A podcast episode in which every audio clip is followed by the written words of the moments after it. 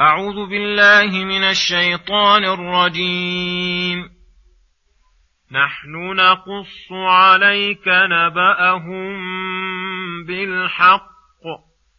إنهم فتية آمنوا بربهم وزدناهم هدى.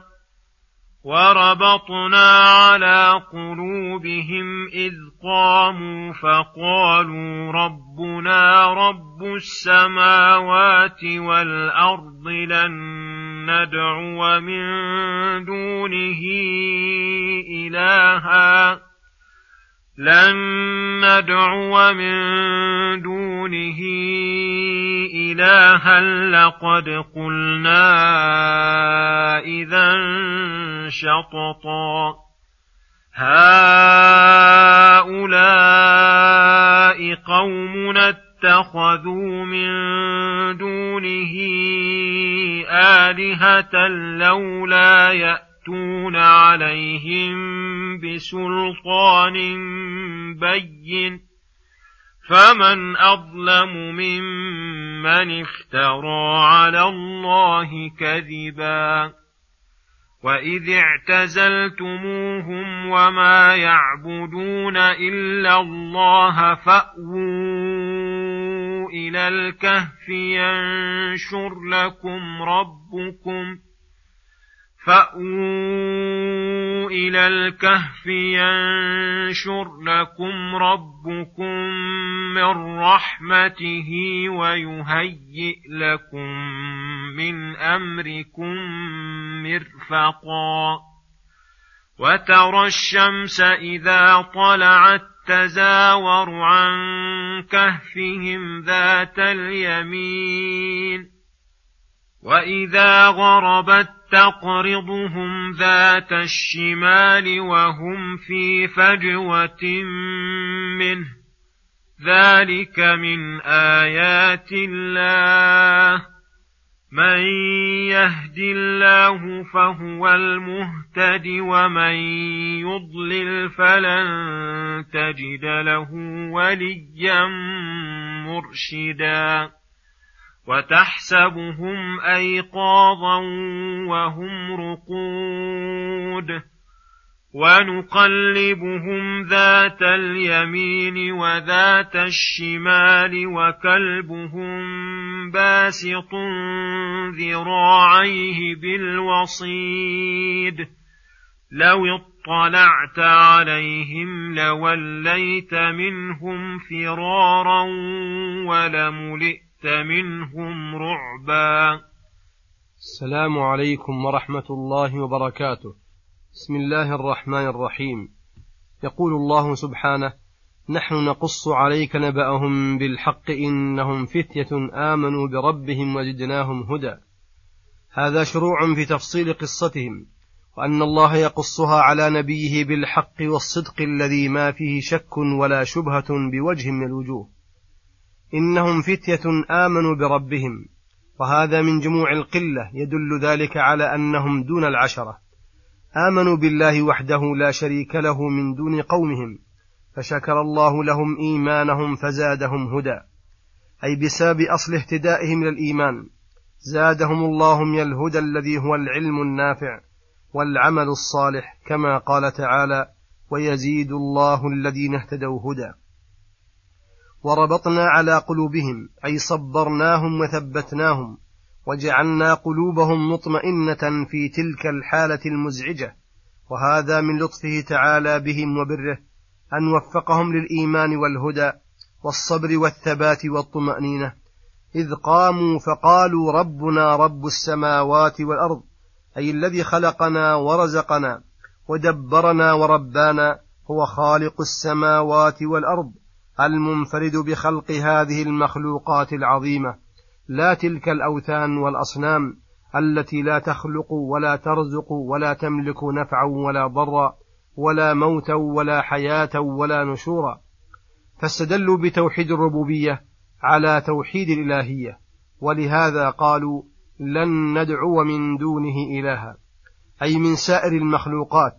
لقد قلنا اذا أي إن دعونا معه آلهة بعدما علمنا أنه الرب الإله الذي لا تجوز ولا تنبغي العبادة إلا له شطط أي ميلا عظيما عن الحق وطريقا بعيدة عن الصواب فجمعوا بين الإقرار بتوحيد الربوبية وتوحيد الإلهية والتزام ذلك وبيان أنه الحق وما سواه باطل وهذا دليل على كمال معرفتهم بربهم. وزيادة الهدى من الله لهم.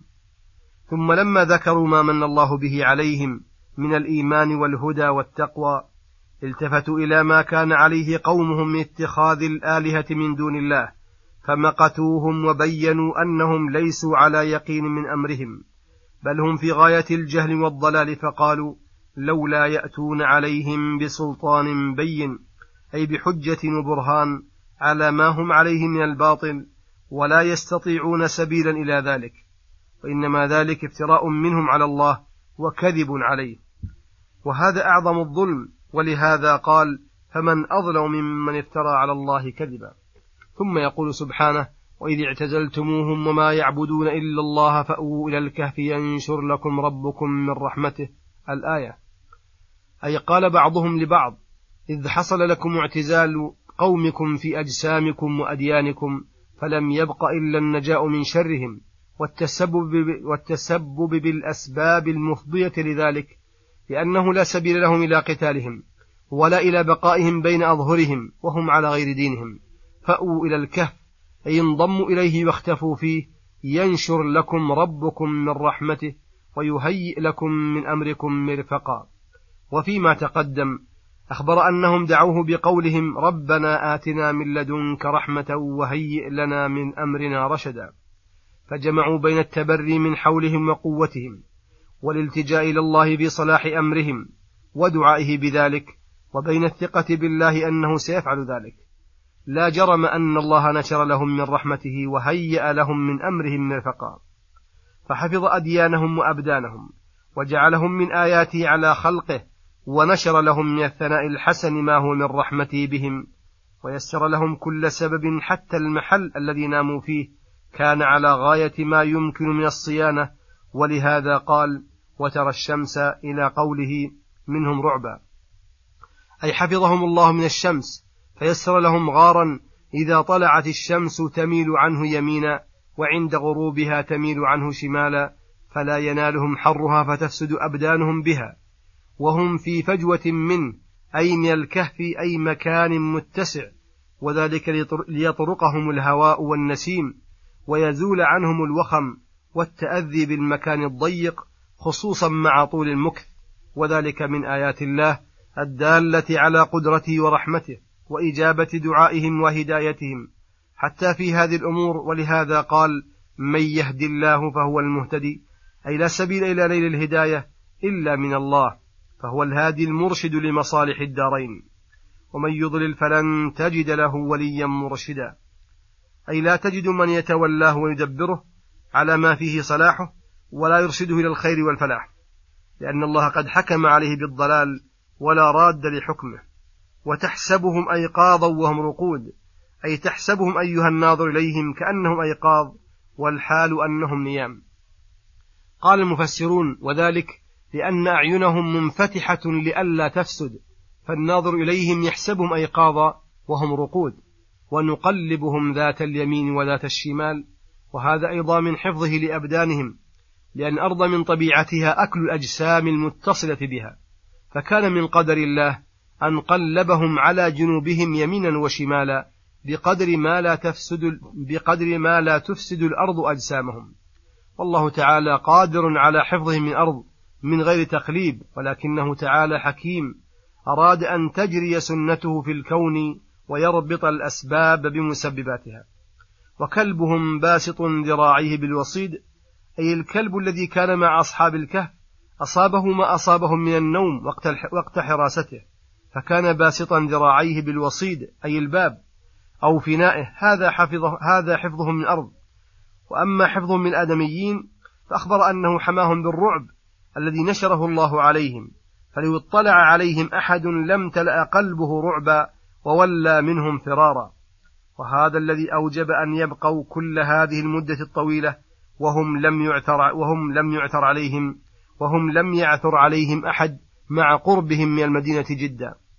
والدليل على قربهم أنهم لما استيقظوا أرسلوا أحدهم يشتري لهم طعاما من المدينة وبقوا في انتظاره فدل ذلك على شدة قربهم منها. وصلى الله وسلم على نبينا محمد وعلى آله وصحبه أجمعين. وإلى الحلقة القادمة غدا إن شاء الله. السلام عليكم ورحمة الله وبركاته.